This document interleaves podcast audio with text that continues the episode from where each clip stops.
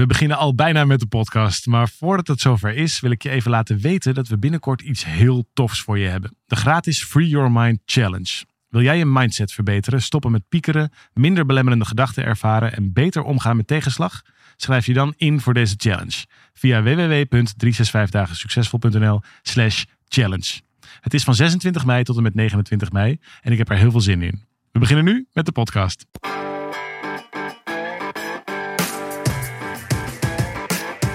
Van harte welkom bij deze podcast van 365 dagen succesvol. Wij zijn David en Arjan en we delen in deze podcast de eye-openers die cruciaal zijn voor een gelukkiger leven.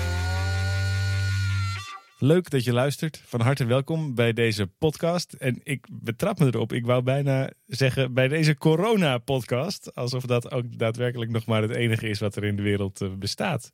Hoe, hoe, zit jij daar nu in, David? Nou ja, behalve dat we de studio een klein beetje om hebben moeten bouwen. om ook, ook hier uh, de juiste afstand op elkaar te kunnen houden. En ja, ik heb het wel eens vaker gezegd, maar iedereen doet natuurlijk een beetje zo zijn sociale plicht, kan ik me voorstellen. Ik hoop Alleen, het. Nou ja, dat mag, je dan, dat mag je dan aannemen. Alleen, er speelt natuurlijk ook nog wel iets anders dan alleen maar een virus wat rondgaat, is mijn vraag. Oeh, dit, dit klinkt als een aankondiging van. Uh, zo doen ze dat in televisiespotjes, toch? Oeh, maar er is meer aan de hand. Kijk, morgen weer. Nou ja, ja zo, kun je, zo kun je het natuurlijk ook zien. Alleen dat, uh, zonder daar um, slechte grappen over te willen maken. Want weet je, de, de, uh, menselijk gedrag is gewoon super besmettelijk. Zo'n virus is natuurlijk hartstikke besmettelijk. Mm -hmm. Maar op het moment dat je je elke keer overlaat met zorgen, mm -hmm. is dat eigenlijk ook heel besmettelijk. Wat gebeurt er namelijk als ik uh, mijn, mijn nu.nl app open? Yeah. Dan is het eerste wat ik zie, het tweede wat ik zie en het tiende wat ik zie, is slecht nieuws over corona. Ja. En dat al wekenlang. Ja. Nou, op het moment dat je dat steeds maar consumeert, dan, zo, zo werkt je systeem nou eenmaal, dan ga je dat eigenlijk al aannemen nog voordat je überhaupt de app hebt geopend. Ja. Dus je creëert eigenlijk onbedoeld een nieuw geloofssysteem. Namelijk, het zal wel weer slechter zijn gegaan. Of het, het, je gaat er in ieder geval van uit dat er weer van alles aan de hand is. In, in marketing eh, blijkt het zo te zijn dat op het moment dat je iets uh, een keer of zes, zeven hebt gezien, dat je het dan ook um, um, uh, sneller zult aanschaffen. Uh, en dat komt omdat je het meer vertrouwt. En waarom vertrouw je het nou vaker? Niet zozeer omdat, je, omdat het opeens het een beter merk of een beter product is geworden. Maar simpelweg omdat je het al zes of vijf keer daarvoor hebt gezien. Dus herkenning zorgt voor vertrouwen.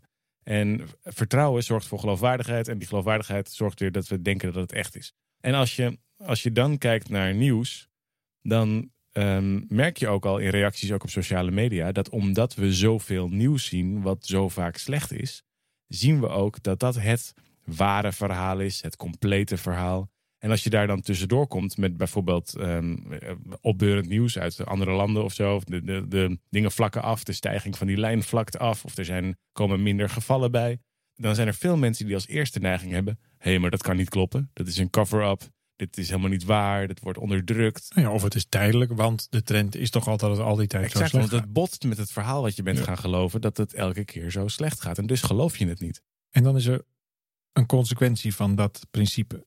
Namelijk dat op het moment dat je steeds jezelf overlaat, want in feite doe je dat natuurlijk zelf. Ik open die app, dus ik zie dat elke keer. En ik heb er dus ook voor gekozen om dat niet meer te doen. Ik ja. ga niet meer Facebook op om maar te kijken wie er allemaal weer slechte dingen over roept. Ik heb het allemaal uitgezet. Ik kijk heel af en toe natuurlijk. Ik bedoel, ik wil er ook niet helemaal voor blokkeren. Maar mm -hmm. gewoon gedoseerd dat tot je neemt. In plaats van de hele tijd er maar bovenop zitten. Want wat is namelijk aan de hand? Op het moment dat je dat te vaak voor, uh, nou ja, voor waar aanneemt. Als je het te vaak consumeert. Dan ga je daar onbewust zorgen over maken. Je ja. gaat daar conclusies aan verbinden. Je gaat ook een toekomstscenario schetsen voor jezelf. Wat minder positief is. Ja. Dat leidt tot meer stress, dat leidt tot meer zorgen. En dat leidt vervolgens tot een verzwakt immuunsysteem. Ja. Waardoor je een grotere kans maakt om ziek te worden. En voor je het weet krijg je die slecht nieuwsberichten nog gelijk ook. Dus we hebben eens met een heel ander principe te maken. Namelijk doordat we collectief dit ook zijn gaan zien als een enorme vijand. De oorlog is uitgeroepen tegen corona. Dat zijn nogal grote woorden. Dat doet nogal wat met het fragiele mensenbrein. Nou ja, positief uh, psychologen die uh, de afgelopen 30 jaar steeds meer hebben nagedacht ook over wat is nou niet alleen de psychologie van stoornissen, maar ook wat is de psychologie van geluk, de positieve kant zeg maar van mens zijn.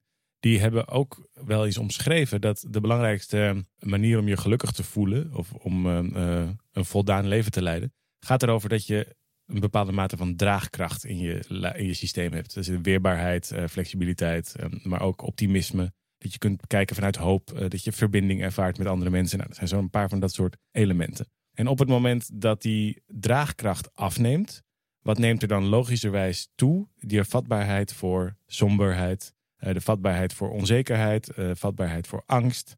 Um, en uiteindelijk zelfs voor wat ernstigere dingen als depressie en uh, burn-out. En, en al dat soort zwartere ehm, elementen. En als je dat weet, dan merk je dus ook dat je door steeds maar weer dat nieuws te consumeren. En daardoor je eigen immuunsysteem wat te verzwakken, omdat er meer stress komt. Daardoor wordt het ook makkelijker voor je brein om die stress ook toe te laten. En daarmee de somberheid toe te laten. En zo ontstaat een soort zichzelf versterkend systeem. Want ja, je wordt elke keer meer stress. Wat zorgt die meer stress? Minder draagkracht. Wat betekent minder draagkracht? Meer somberheid. Wat betekent die somberheid? Je ziet weer meer bewijs voor dingen die niet lukken. Wat levert dat weer op? Meer stress. En zo maak je het rieltje elke keer weer naar beneden. Waardoor je uiteindelijk in een um, steeds lelijkere situatie terechtkomt. Als je kijkt naar de cijfers. Mm -hmm. In de gemiddelde nieuwsberichten uh, wemelt het van de grafieken en de cijfers dan kijk je niet naar de feiten. En dat lijkt heel erg met elkaar in gek contrast. Want ja, je kijkt toch immers naar cijfers, dat zijn toch de feiten. Er zijn toch zoveel mensen dood. Mm -hmm. Of de, de hellingshoek van de grafiek zegt toch, ja, dit is toch een exponentiële groei. Alleen je wil eigenlijk altijd, als je dat soort dingen bekijkt, nog even achter de cijfers kijken. Hoe zijn de cijfers opgebouwd? Want daar zitten namelijk de feiten. En zoals wij bijvoorbeeld naar cijfers kijken, en dat, dat is echt iets wat ik ook wel kwalijk vind in hoe we dit, dit soort um, nieuwsgaring en, en, en, en, de manier hoe nieuws wordt gemaakt ook, ook wordt gepresenteerd. Want je kijkt namelijk niet naar de feiten, je kijkt naar opsommingen. Maar op het moment dat je feiten bekijkt, uh, of naar grafieken kijkt, dan wil je altijd, maar dan ook echt altijd, eerst normaliseren. Mm -hmm. Bijvoorbeeld, er zijn vandaag 700 mensen gesneuveld. Mm -hmm. nou, dat is natuurlijk hartstikke veel, hartstikke veel. Ja. Hoeveel mensen gaan er überhaupt normaal gesproken dood op een dag als deze? Mm -hmm. Er dan een groot bericht in de, in, de, in de krant deze week. Er gingen 600 mensen dood in Spanje. Ja. Wat bleek nou op dezelfde datum een jaar eerder? Mm -hmm. Gingen er precies evenveel mensen dood. Alleen gingen ze toen dood aan de griep. Mm -hmm. Als je dat er niet bij vertelt, dan is 600 ineens ontzettend veel. Ja. Maar op het moment dat je dat uh, er wel bij vertelt. Vorig jaar gingen er ongeveer 600 mensen dood aan de griep. Nu gingen er ongeveer 600, nu gingen er 700 mensen dood aan, aan corona. Nou, dat is nog steeds hartstikke vervelend en hartstikke veel. Mm -hmm. Alleen het doet wel iets anders met hoe je die cijfers interpreteert. Dus door bepaalde feiten niet te vermelden of niet de moeite te doen om die feiten erachter te zetten. Hetzelfde geldt voor grafieken. De hellingshoek van een exponentiële groei is altijd dezelfde grafiek. Dus wij volgen natuurlijk ook precies de lijn van welk land dan ook. Ja, dat is ook zo, want Italië heeft ook die hellingshoek en wij hebben ook die hellingshoek. Dat is allemaal hartstikke waar. Alleen als je daar niet de demografische gegevens bij pakt, bijvoorbeeld hoeveel oudere mensen heb je, hoeveel ziekenhuisbedden heb je, hoeveel, met andere woorden, dan gaat zo'n zo'n grafiekje een verhaal vertellen, een angstverhaal vertellen, zonder context. En het grote gevaar daarvan is dat dat, en dat is precies het punt wat we in deze podcast willen maken, dat het maar één ding doet, namelijk jij die je zorgen maakt. Ja, ik, ik, zit een beetje te luisteren over wat je zegt. Want er zijn natuurlijk heel veel, zeg maar, op dit moment staan er 17 miljoen uh, virologen en uh, epidemiologen op die allemaal verstand hebben van wat de lijnen zijn van die, van, en wat er. Ik, ben het in die zin wel met je eens dat er grote leugens, kleine leugens en statistiek. Dat is een beetje standaard. Uh, dus, dus het is altijd waar dat zo gauw je naar statistiek kijkt, moet je kijken naar wat die dingen betekenen. En tegelijkertijd, ik ben ook wel iemand die vertrouwt op de, de experts. Er zijn deskundigen. En dat zijn de mensen van het RIVM. Dat zijn de mensen die op de intensive cares werken. Dat zijn de mensen die in de politiek zitten op een aantal plekken. En die geven wel nadrukkelijk aan. Het is een andere situatie dan normaal. Dus dan kun je nog steeds zeggen. Er zijn 600 doden een jaar geleden in Spanje. Maar ondertussen is er wel duidelijk iets anders aan de hand. En volgens mij moeten we dat ook niet wegmaken. Dat is ook niet wat ik zeg. Waar ik het graag over wil hebben hier. Is dat er een bijeffect optreedt van informatie. Ja. En dan kun je nog zo viroloog zijn, of dan kun je nog zo minister-president zijn. Maar één ding denk ik wel redelijk zeker te weten: dat is nog de minister-president, nog een viroloog, veel weet van massapsychologie. Ik denk het niet. En op het moment dat je kijkt naar wat dus de consequentie. En ik dit is geen, geen uh, um, anti-verhaal, hè? begrijp me niet verkeerd. Het is gewoon een side effect van wat hier nu allemaal gebeurt. Er is met andere woorden nog een veel grotere crisis aan de hand als je het mij vraagt, namelijk een crisis op vertrouwen. niet zozeer over vertrouwen in elkaar of in jezelf, maar vertrouwen in de toekomst. En daar, daar, dan zou het wel eens zo kunnen zijn, en ik vermoed dat we snel die kant op gaan, dat het middel erger wordt dan de kwaal. En als dat zo is, dan heb je nu de kans, als je dit herkent en als je hier wat mee kan, om je anders te gaan verhouden naar bijvoorbeeld nieuws. Om ervoor te zorgen dat je zelf ook anders omgaat met je eigen beeld van wat is hier nu aan de hand. Want wat je namelijk zelf niet wil, kan ik me zo voorstellen, ik wil het in ieder geval niet, is met een verzwakt immuunsysteem rondlopen. Nou, het is wel wat je volgens mij, wat je zou kunnen doen, is naar de maatschappij kijken alsof het ook zo'n, ehm, alsof het zelf een brein heeft. Alsof het een, zelf een, eh, een, een psychologie heeft. Misschien zelfs alsof het zelf een immuunsysteem heeft. En wat je dus bij jezelf kunt doen, naar ehm, je immuunsysteem versterken of verzwakken, dat kan maatschappelijk volgens mij ook plaatsvinden. En als we onderling met elkaar ook in zo'n visueuze cirkel terechtkomen als die ik eigenlijk net omschreef, doordat er meer stress komt, daardoor neemt de, de, eh, de, de zekerheid of de, de draagkracht neemt af. Daardoor is er weer minder hoop, minder optimisme, daardoor is er weer meer somberheid. En dat versterkt zichzelf. Dat zie je natuurlijk ook bij, bij een, een dalende conjunctuur. Gebeurt ongeveer hetzelfde. Alleen nu even in een soort uh, multikwadraat uh, wasmachine. En als je dat ziet, dan, dan is een interessante vraag. Hoe kunnen we nou, ondanks dat dit een uitzonderlijke situatie is, dat de politiek ook, zoals ze zelf al zeiden, 100% van de keuzes moet maken tegen 50% van de kennis. Dat er heel veel druk op zit. Het gaat over mensenlevens. Hoe kunnen we nu als maatschappij wel ons immuunsysteem gezond houden? Wat hebben we daar nou in te doen? En nou komen we op de oplossing. Want volgens mij helpt het om je uh, wat af te wenden van elke keer maar precies van minuut tot minuut te willen weten hoe erg het is. Ik denk Mhm. namelijk dat je jezelf daarmee negatief programmeert. Ja. Ik denk dat je altijd zelf iets kunt doen en samen heel veel. Ja. Dus een van de dingen die wij doen is juist heel erg, niet in een soort doorgeslagen optimisme, want dat is eigenlijk een andere vorm van ontkenning, daar hebben we het Ja. vorige week over gehad. Maar in, in een staat te blijven van creatie. Dus dat je doorhebt van, hé hey, wacht even, ik ben een welfunctionerend, creërend wezen. Wat kan ik nu doen? Ja, Bijvoorbeeld. het is, het is- ik zit na te denken over. Ik weet, ik weet helemaal niet of je klaar was met wat je wilde zeggen. Nee, dat maakt niet uit. Ik was ergens naartoe aan het opbouwen, maar dat kan zo ook nog. Oké, nou, omdat ik wat ik leuk vond, eh, wat ik me realiseer, is dat eh, een mensenbrein, veel van die dingen, eigenlijk alles wat je ervaart en voelt, wordt natuurlijk in je hersenen gemaakt. En, of veel daarvan in ieder geval. En in je, in je amygdala, de, de- je, hoe heet het ook alweer, je reptiele brein, daar zit natuurlijk je overlevingsmechanisme. Daar zit je oorspronkelijke verhaal waar je op terugvalt op momenten dat er grote druk is. Weet je, dan ga je eh, vluchten, vechten, bevriezen. Dan ga je op een bepaalde manier mee om, die weer helemaal terugkomen in nou ja, je, je primaire overlevingsstrategie.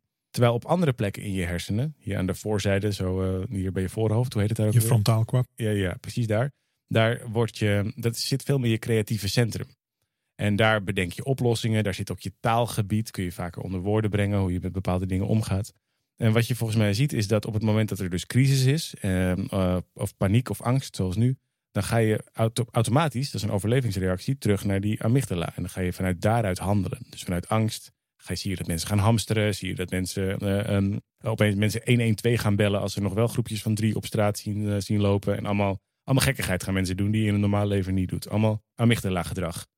En de uitnodiging is juist om in die frontaalkwap te blijven, waar je creatie zit, waar je oplossingen zitten. En zo'zelfde zou je ook dus op de maatschappij kunnen leggen. Dat wij als maatschappij in onze, ik weet niet hoe dat eruit zou moeten zien, in een soort gemeenschappelijke amygdala terechtkomen, die alleen maar primair vanuit angst functioneert.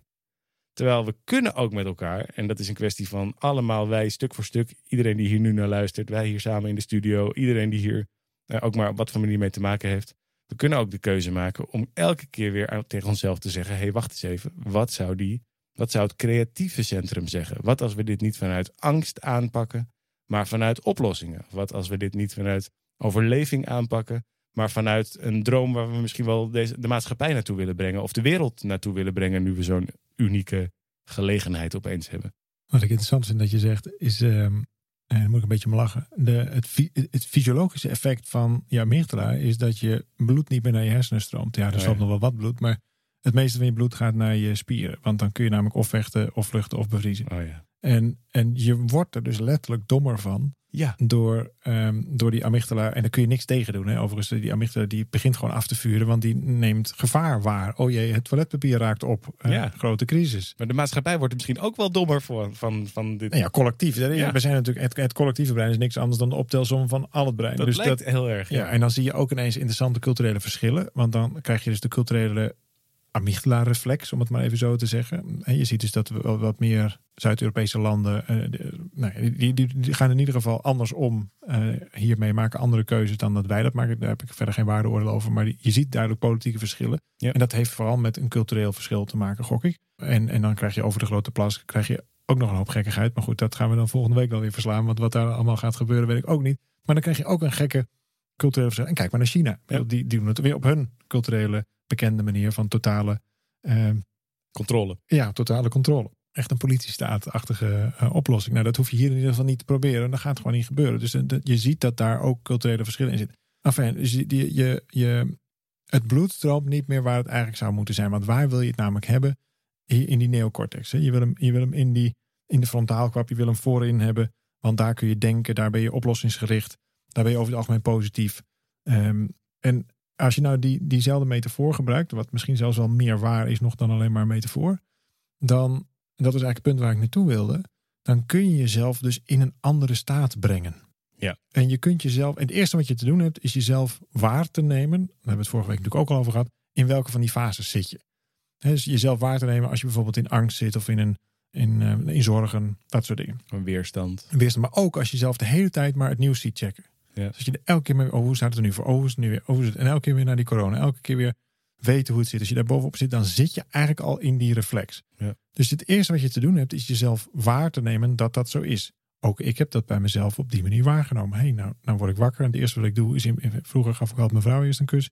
En, en nu heb ik mijn telefoon al in mijn handen om te kijken wat er nou allemaal niet is gebeurd in de wereld. Ja. Daar zit dus een bijna op identiteitsniveau een verschuiving in wat ik dan belangrijk maak en waar ik mijn, waar ik mijn nou ja, houvast aan begin te ontleden. Dat is één. En die stap heb je echt te maken, want anders kom je er niet vrij van. Vervolgens kun je dus beseffen, oké, dit is niet zo handig. Hè? Dus het eerste als ik doe dit, dan vervolgens, hey, wil ik dit eigenlijk wel doen? Is dit nou wel zo handig? Nou, toen krijg je besef, hey, dit is eigenlijk niet zo handig. Dit gaat op een gegeven moment ook bezit van me nemen. Eh, zonder het te willen ontkennen, wil ik eigenlijk ook nog iets anders zijn. Dus in plaats van dat ik mijn telefoon pak, wat ik de afgelopen dagen heb gedaan, geef ik gewoon weer mijn vrouw een kus. En dan ga ik eerst een rondje hardlopen. En dan kom ik weer in mijn veel meer natuurlijke staat van zijn. Ik geef met andere woorden die amygdala even de kans om gewoon zijn ding te doen. Ook weer even klaar te zijn met afvuren. En dan begint het rustig aan. Dat duurt meestal een minuut of twintig. Begint dat bloed weer te stromen naar waar het eigenlijk hoort. Ja. Dan kan ik weer gewoon normaal denken. Dan kan ik weer gewoon een afspraak maken. Dan vervolgens. Helemaal goed om in de ochtend te doen, denk ik. Want dan is je amygdala juist vaak extra ook wel alert op te kijken of het op een veilige plek wakker wordt. En dan wil je juist misschien wel dit soort dingen Ja, inbouwen. je systeem moet nog opstarten. Ja. En op het moment dat je systeem nog in opstartende fase is. Hè, dus je komt uit die slaapwaaktoestand. Ja. En het eerste wat je doet, en dat is natuurlijk ook logisch, want het is allemaal heel impactvol wat er allemaal gebeurt. Is hoe staat de wereld ervoor en, en eh, wat ga ik doen vandaag, et cetera, et cetera. Dan begint je dag eigenlijk al met een stressreactie. Allemaal trouwens, want dat is het hele punt wat ik deze complete podcast wil maken. Is let op je eigen immuunsysteem. Want op het moment dat jij voor je eigen immuunsysteem begint te zorgen, en velen met jou, want het, ook hier weer gedrag is besmettelijk, Mhm. dan krijgen we een veel grotere weerbaarheid. Dus op het moment dat ik, jij, iedereen met ons die dit hoort, gewoon in eerste instantie zorgt voor een hoog, goed functionerend immuunsysteem, dus niet zich laat leiden door angst, door zorgen, et cetera. Nou, ik doe dat dan door eh, wakker te worden, in eerste instantie uit te reiken naar mijn lief, vervolgens eh, voor mijn gezondheid te zorgen en daarna doe ik dan nog een korte meditatie. En dat is mijn ochtendritueel, koude douche en dan heb, dan begint de dag. Ja. Nou, op het moment dat ik dat doe, dat kan allemaal zo in een periode van pak een beetje een uur. Dat is hoe ik dat ben gaan doen. En nu dus veel strikter dan hiervoor. Ja. Omdat ik mezelf bezig zag met, ja wacht even, nu ga ik een kant op zwemmen. Daar moet ik echt niet zijn. Dat is gewoon niet gezond. Met als grootste risico dat ik notabene nog ziek kan worden ook. Ja. Nou wil ik ook niet zeggen dat als je ziek wordt dat je dit allemaal niet goed hebt gedaan. Dat is niet wat ik hier zeg. Maar wel voor de zorg dat je bewust bent. Want al dit soort uitdagingen zijn eigenlijk niks anders dan bewustzijnsvergrotingsmomenten. Of in ieder geval kansen daartoe. Wees je bewust van dat grote mechanisme. Namelijk stress en zorgen leidt tot een verzwakt immuunsysteem. Een verzwakt immuunsysteem leidt tot mogelijke kans op ziekte. En voor je het weet zijn we inderdaad straks allemaal ziek.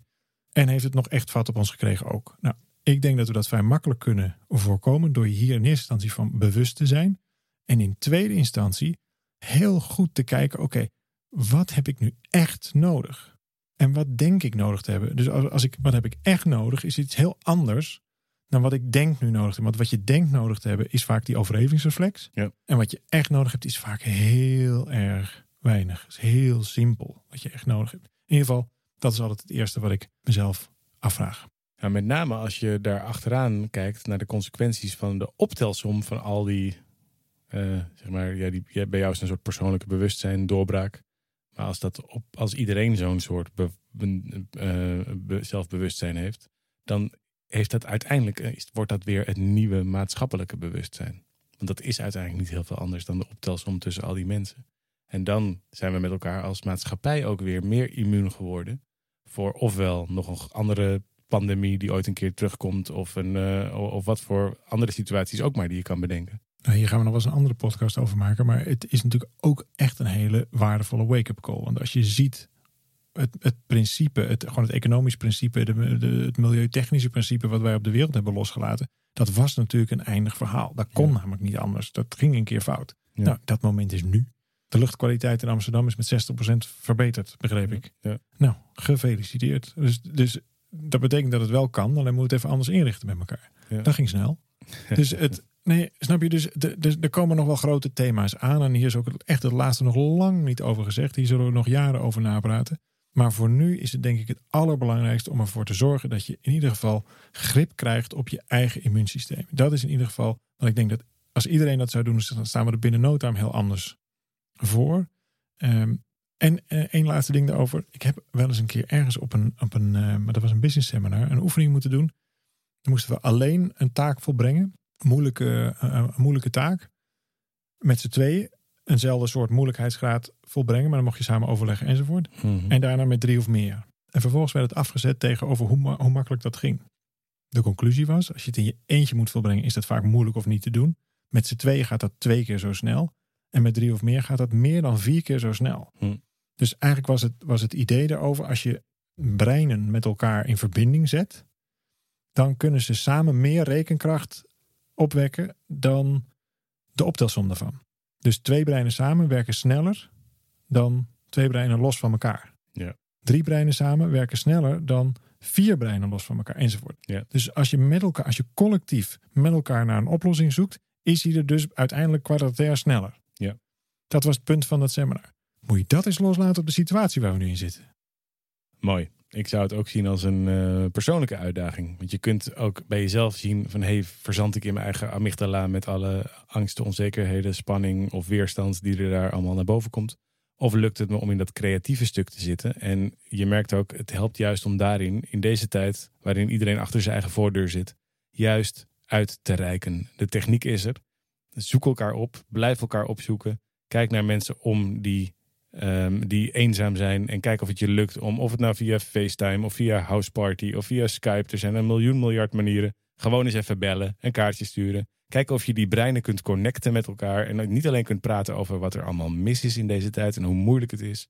Maar ook waar je graag naartoe wil, waar je van droomt, waar je naar verlangt. Wat je misschien volgend jaar dan maar gaat doen in de vakantie. En hoe je het ook allemaal maar voor je ziet. En dan zou het zomaar kunnen, ik wens met je mee, Daaf, dat het dan kwadratair zo snel, is dat ehm, zoiets zei je? Komen we uit, eh, nou ja, uit de crisis. Ik heb het ermee proberen uit te leggen. Maar het, het is inderdaad een hele waardevolle tip om niet alleen in eerste, natuurlijk in eerste instantie met jezelf, maar ook met name met de mensen met wie je dit allemaal bespreekt. Om niet in het makkelijke verhaal te stappen. Oh, heb je het ook zo erg? En hoe is het nou bij jou? En hoe is het nou dit en hoe is het nou dat? Maar om met elkaar te gaan kiezen voor het positieve verhaal. Praat elkaar omhoog. Praat elkaar omhoog. Van oké, jeetje, wat gaaf, goed in- eh, inventief. Oh, wat tof. Heb jij nog goed nieuws? Heb je nog wat mooie dingen gezien? Ja, ik heb nog geen vliegtuigtrepen gezien. Dat heb ik eigenlijk nog nooit van mijn leven gezien hier boven Amsterdam. Het is, het is prachtig blauwe lucht. Jeetje, wat mooi. Enzovoort. Niet om het mooier te maken, niet om, om, om de waarheid geweld aan te doen, maar om er simpelweg voor te zorgen dat die energie goed blijft en je immuunsysteem op volle kracht voor je werkt. Wens je alle gezondheid. Eh, als je hier meer over wil, weet dat we op 365 Podcast allerlei dingen voor je klaar hebben staan. Je kunt ook eens op onze homepage kijken. Daar zul je zien dat we nu wat meer ook dingen aan je geven rondom deze specifieke coronacrisis. En we vinden het natuurlijk te gek als je deze podcast niet alleen deelt via jouw sociale media met mensen eh, die je lief hebt, maar dat je je ook, ehm, hoe noem je zoiets? Je kunt het ook volgen of je abonneren. En dan krijg je ook automatisch een melding als de volgende podcast weer voor je klaar staat. Als je dat nou leuk vindt, je hebt er wat aan, Zorg dan dat je erbij blijft. Het is heel eenvoudig. Volg het op Spotify, meld je aan op iTunes en dan zijn we er gauw weer. Ja, tot volgende week. Bedankt voor het luisteren. Hoi hoi.